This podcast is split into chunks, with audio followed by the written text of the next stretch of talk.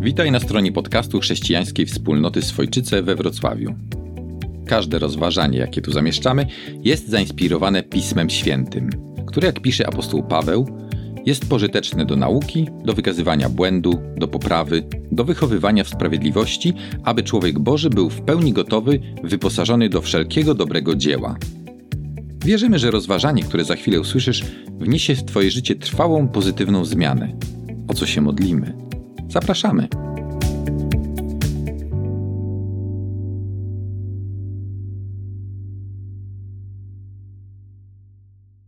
Przeszłość jest statyczna, jest zamrożona.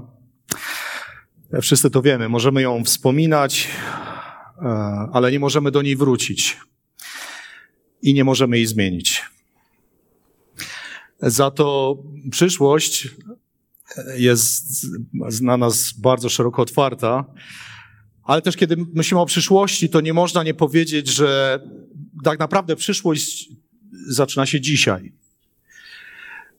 Bo nasze jutro zależy od wyborów, jakich dokonujemy dzisiaj.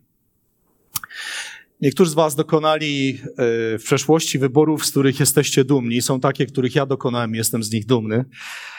Przypominamy je sobie, powtarzamy innym, celebrujemy na wszelkie możliwe sposoby. Ale są takie wybory, których dokonaliśmy w przeszłości, których nie chcemy wspominać. Chcielibyśmy je, gdyby to było w ogóle możliwe, wymazać z naszej pamięci. No i tak naprawdę konsekwencje tych wyborów ciągną się za nami i czasami nam o sobie przypominają, czasami w dość bezlitosny sposób. Takie jest życie. Życie jest jednym ciągłym pasmem wyborów, a nasze wybory, nasze decyzje wiążą się z naszymi wartościami. Wartością może być i pewnie jest praca, rodzina, zdrowie, niezależność, wolność. To są wartości, które są bliskie wielu sercom ale te wartości na różnych etapach e, e, życia i w różnych miejscach będą wyglądały różnie. I też inną rzeczą jest to, że wartości, którym hołbimy mając lat 20 czy 20 kilka, zupełnie inaczej wyglądają niż te same wartości, kiedy, kiedy dochodzimy do pięćdziesiątki, trzy dekady później albo cztery dekady później. E, można też powiedzieć, że wartości w jednym kontekście kulturowym mogą zmienić swoje znaczenie w innym kontekście kulturowym. Można też dodać, że wartość ma inne znaczenie na starcie życia i nabiera zupełnie innego znaczenia, kiedy patrzymy się na tą samą wartość, dobiegając do, do linii mety naszego ziemskiego bytowania. Stephen Covey w swojej książce Siedem nawyków skutecznego działania zachęca swoich czytelników, aby wyobrazili sobie dzień swojego końca, dzień swojego pogrzebu i ludzi, którzy przyszli na tą uroczystość. Mówi się, że pogrzeby to okazje, przy których wygłasza się największą ilość kłamstw. Ale ten pogrzeb jest wyjątkowy, ponieważ na ten twój pogrzeb y, przychodzą ludzie, którzy cię znali i nie tylko cię znali, ale ludzie, którzy mówią, nie owijają w bawełnę i mówią jak było. Więc okazję ma stanąć twój mąż albo twoja żona i powiedzieć o tobie to, co naprawdę się liczyło, to jak wyglądało twoje życie. Potem któreś z twoich dzieci wstaje i zaczyna mówić o tobie, a później może głos jest dany jakiemuś członkowi rodziny, który też chciałby od siebie powiedzieć ze dwa słowa. No, jest tam też twój sąsiad, nie mogłoby go zabraknąć i ten sąsiad też ma możliwość wypowiedzieć się o tobie. No, i jeszcze kilka innych osób, kolega ze studiów i kolega z pracy.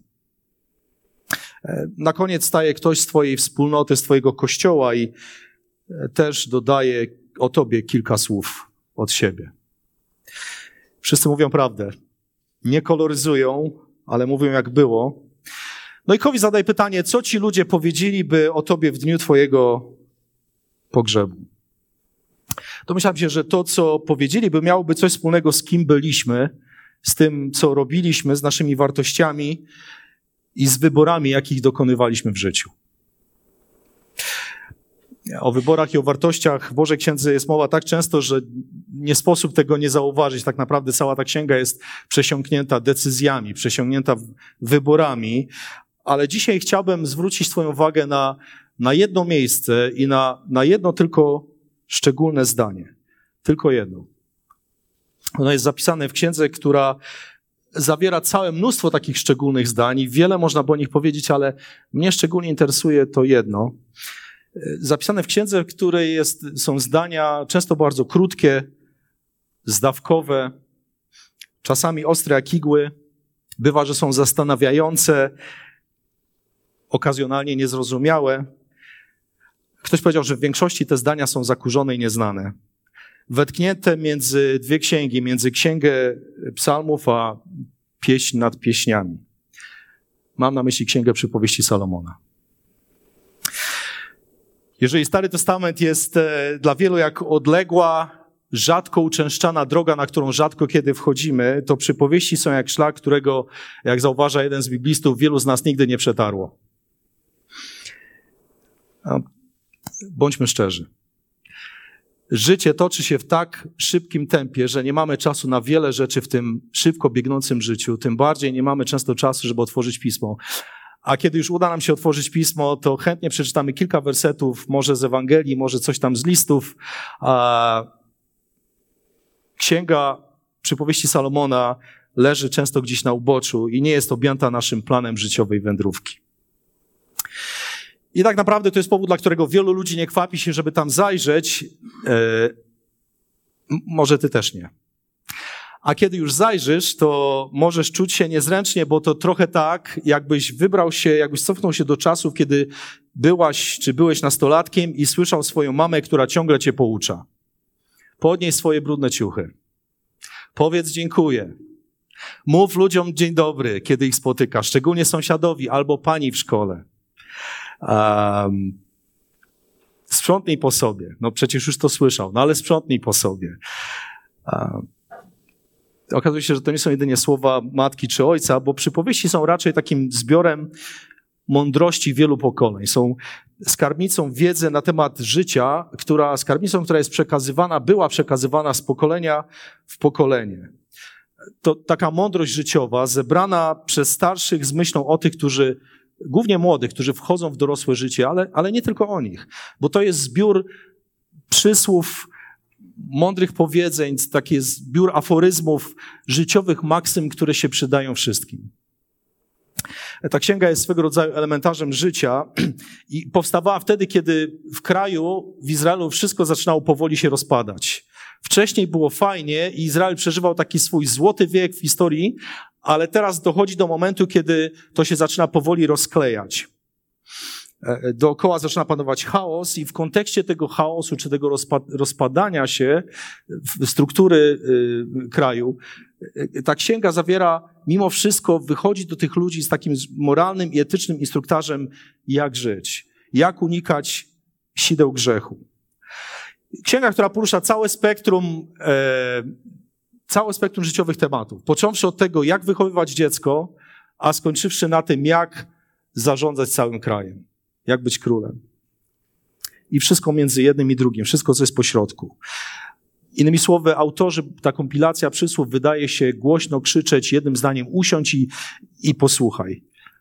Powiem ci, co tak naprawdę jest dobre w życiu. Bądź mądry i żyj w mądry sposób. To właśnie przypowieści. Jest ich mnóstwo, ale jedno z takich zdań, które szczególnie ostatnio przy, jak gdyby przylgnęło do mnie, to jest to, które jest zapisane w 22 rozdziale, pierwszym wersecie tej księgi. Cenniejsze jest dobre imię niż wielkie bogactwo. Lepsza, dobra reputacja niż srebro czy złoto.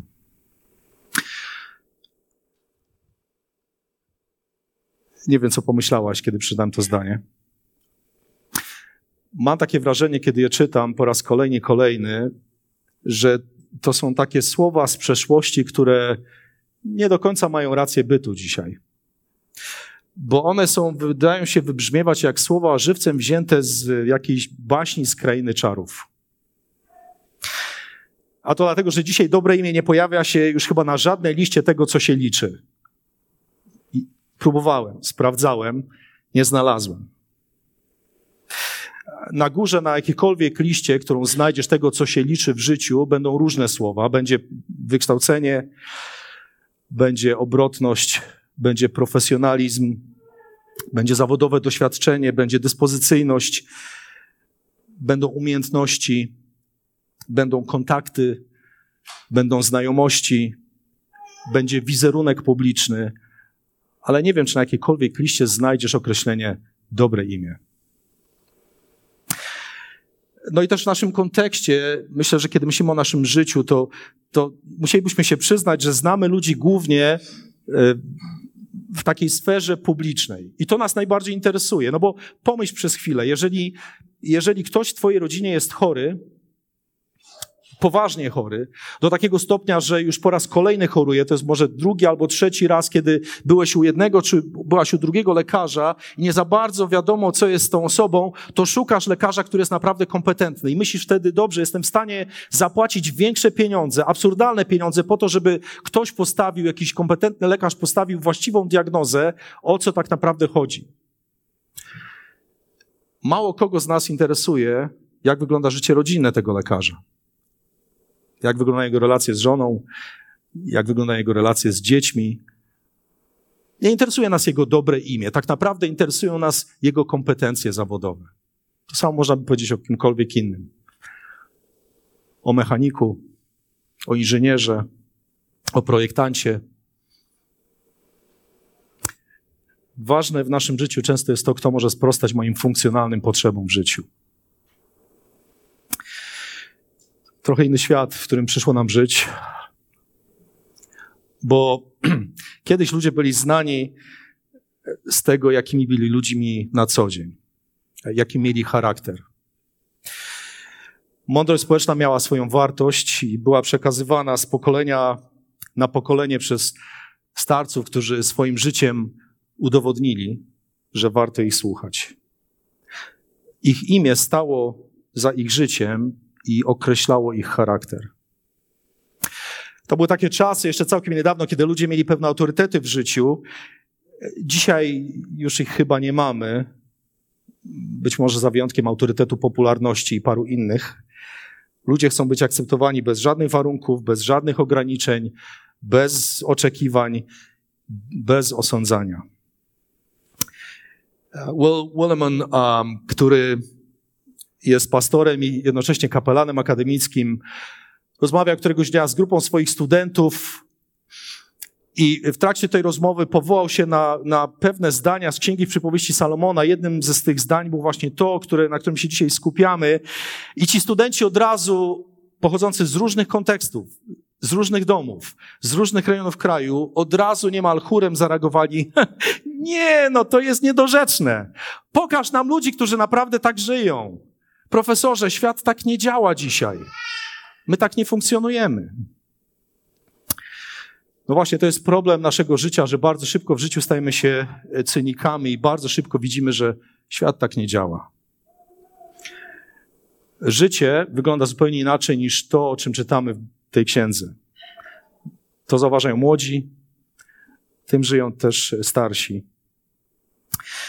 No i gdybyśmy dzisiaj ogłosili na ulicy e, to zdanie.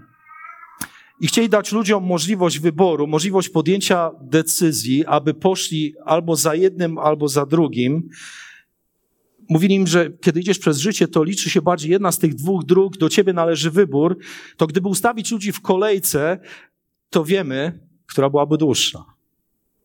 Być może w tej kolejce dobre imię nie byłoby żadnej osoby, która by tam czekała. Nie byłoby żadnej kolejki, bo wszyscy ustawiliby się do tej drugiej. Wielu wybrałoby posiadanie raczej niż dobre imię, no bo ono jest takie nieżyciowe. Przestało się w ogóle liczyć w życiu. Ale wiesz co, um, tak zupełnie szczerze, między nami Polakami, no i nami Białorusinami, i nami Ukraińcami, i wszystkimi, którzy jesteśmy tu razem. I e, Lit, e, Litwinami też.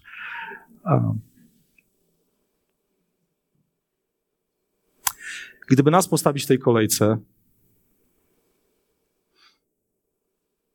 jakby to wyglądało? Co byś wybrał?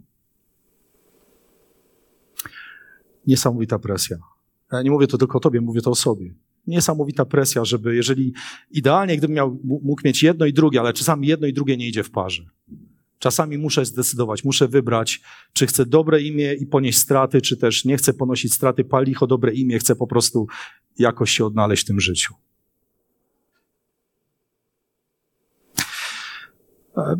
Mamy takie, mieliśmy takie zajęcia kiedyś, które prowadził różne, mój przyjaciel, też inny pastor, Adam Szumorek, świetny facet, powiedział o, e, taki miał wykład na temat wartości. I w tym, podczas tego wykładu mówił, że tak naprawdę są war, wartości dwojakiego rodzaju, wartości deklarowane i wartości rzeczywiste. I pokazał ciekawą różnicę między jednym i drugim. Wartości deklarowane to budynek wspólnotowy, gdzie jest duży napis, kiedy się tylko wejdzie, my kochamy wszystkie dzieci i troszczymy się o nie. A później idziesz do pomieszczenia szkółkowego i okazuje się, że pomieszczenie nie było namalowane przez 20 lat. Ostatnia farba była położona, położona jeszcze w czasach, dobrych czasach komunistycznych. Stare stoliki i wysokie krzesła, na których potrafią usiąść dorośli, ale dzieciaki muszą się wspinać, żeby móc usiąść na tych krzesłach.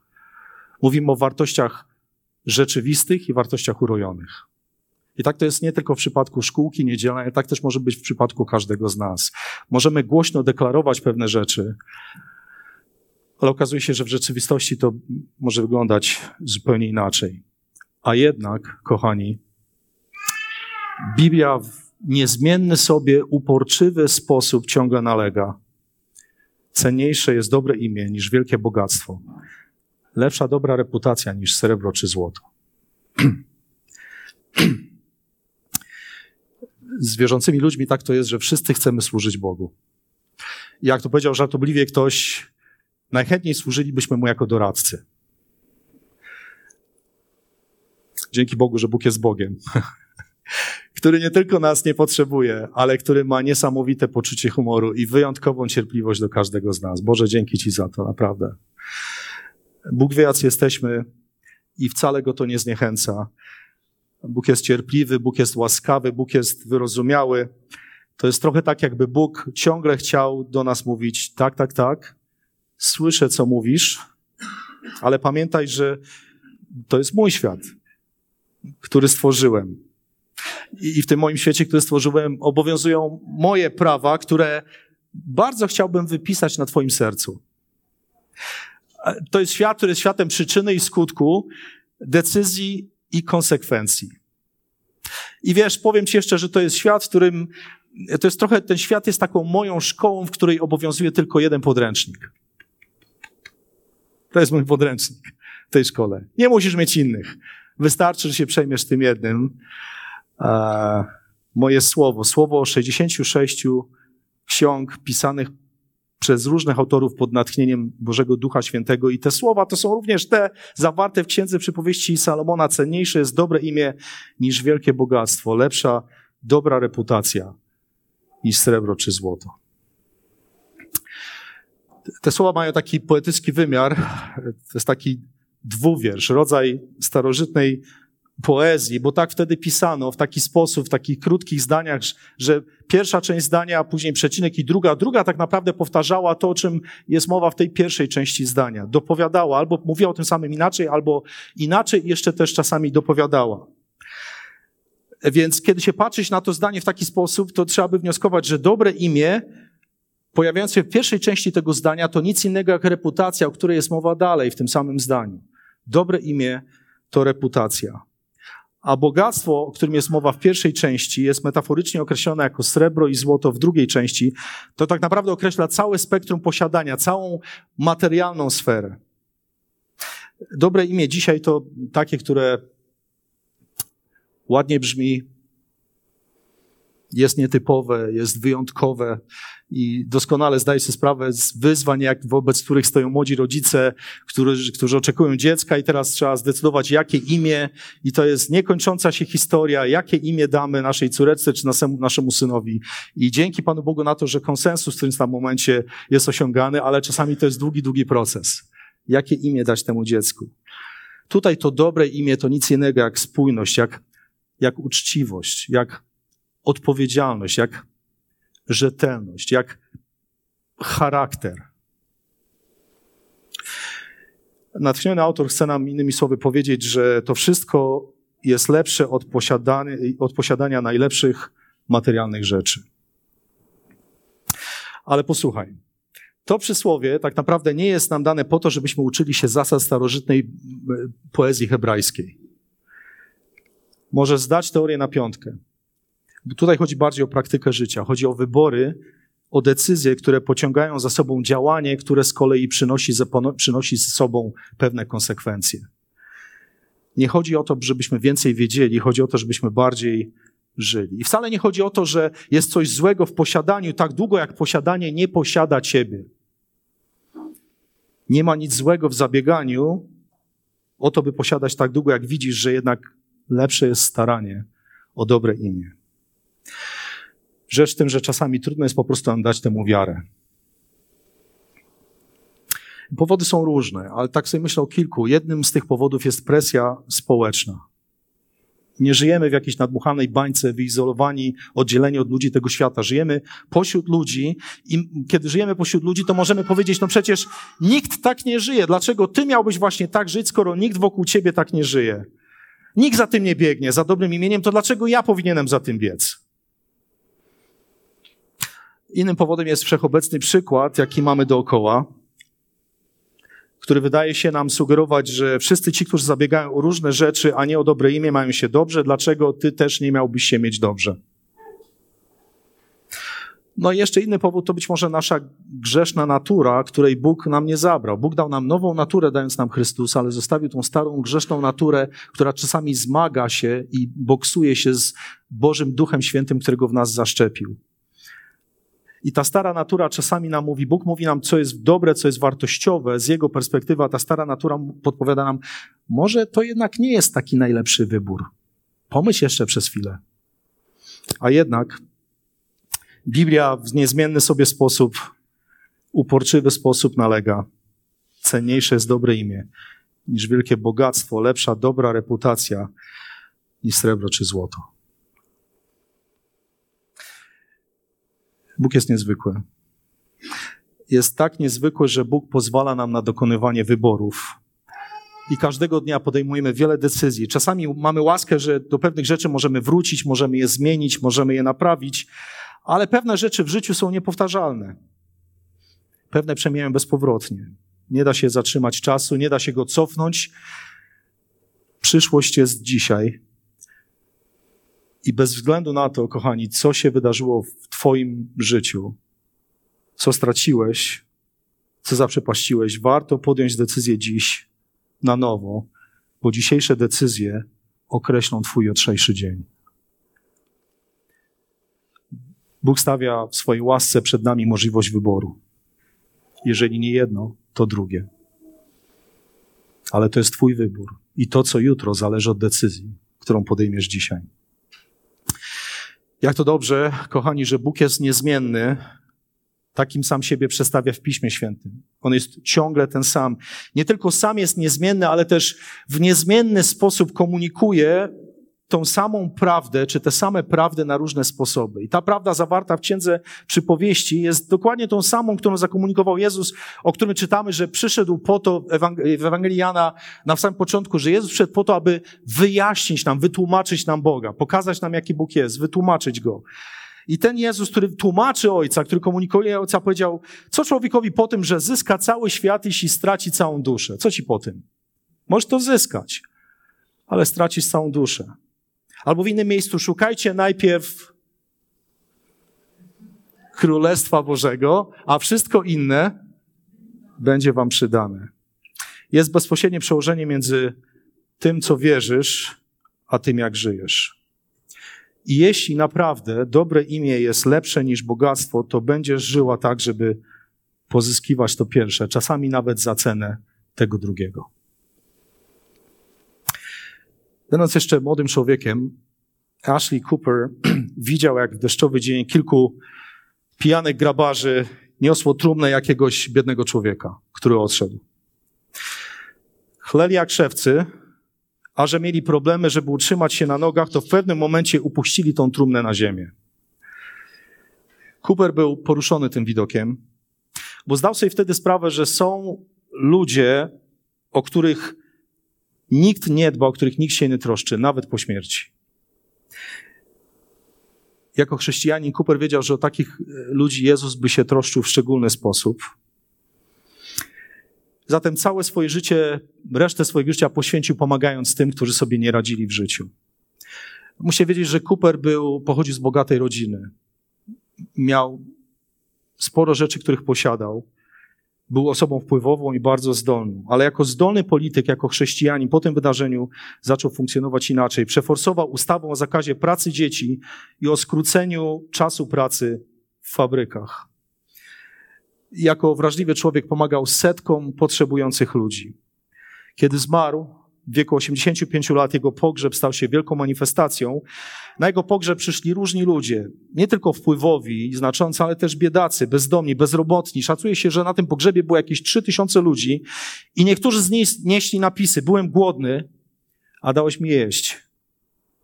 Ktoś inny trzymał napis: Byłem chory, a odwiedziłeś mnie. Jeszcze ktoś: Byłem spragniony, a dałeś mi pić. Ten człowiek nie zmarnował swojego życia. Odchodząc do wieczności, zostawił po sobie dobre imię. A to dlatego, że pozwolił, aby imię Jezus odmieniło jego życie. Być może powiesz, no ja nie mam takich możliwości jak bogaty i wpływowy Ashley Cooper. I to może być prawdą. Ale i tak ciągle coś po sobie możesz zostawić. Nawet więcej niż myślisz bo możesz po sobie zostawić dobre imię.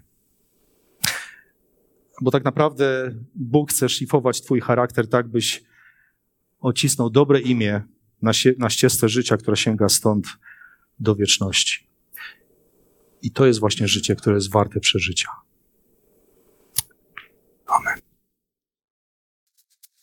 Gdy w Twoich uszach brzmią jeszcze słowa rozważania, zachęcamy Cię, żebyś w krótkiej modlitwie zwrócił się do Boga, aby utrwalał swoje słowo w Twoim codziennym życiu. A jeśli jesteś zachęcony, aby nawiązać głębszą relację ze Stwórcą, zwróć się do Niego w prostych słowach, zapraszając, aby stał się Twoim Panem i przejął stery Twojego życia. Zapraszamy Cię, abyś nas odwiedził na niedzielnym nabożeństwie, jeśli jesteś z Wrocławia lub okolic. Nasz adres znajdziesz na stronie internetowej www.wroclaw.kwch.org.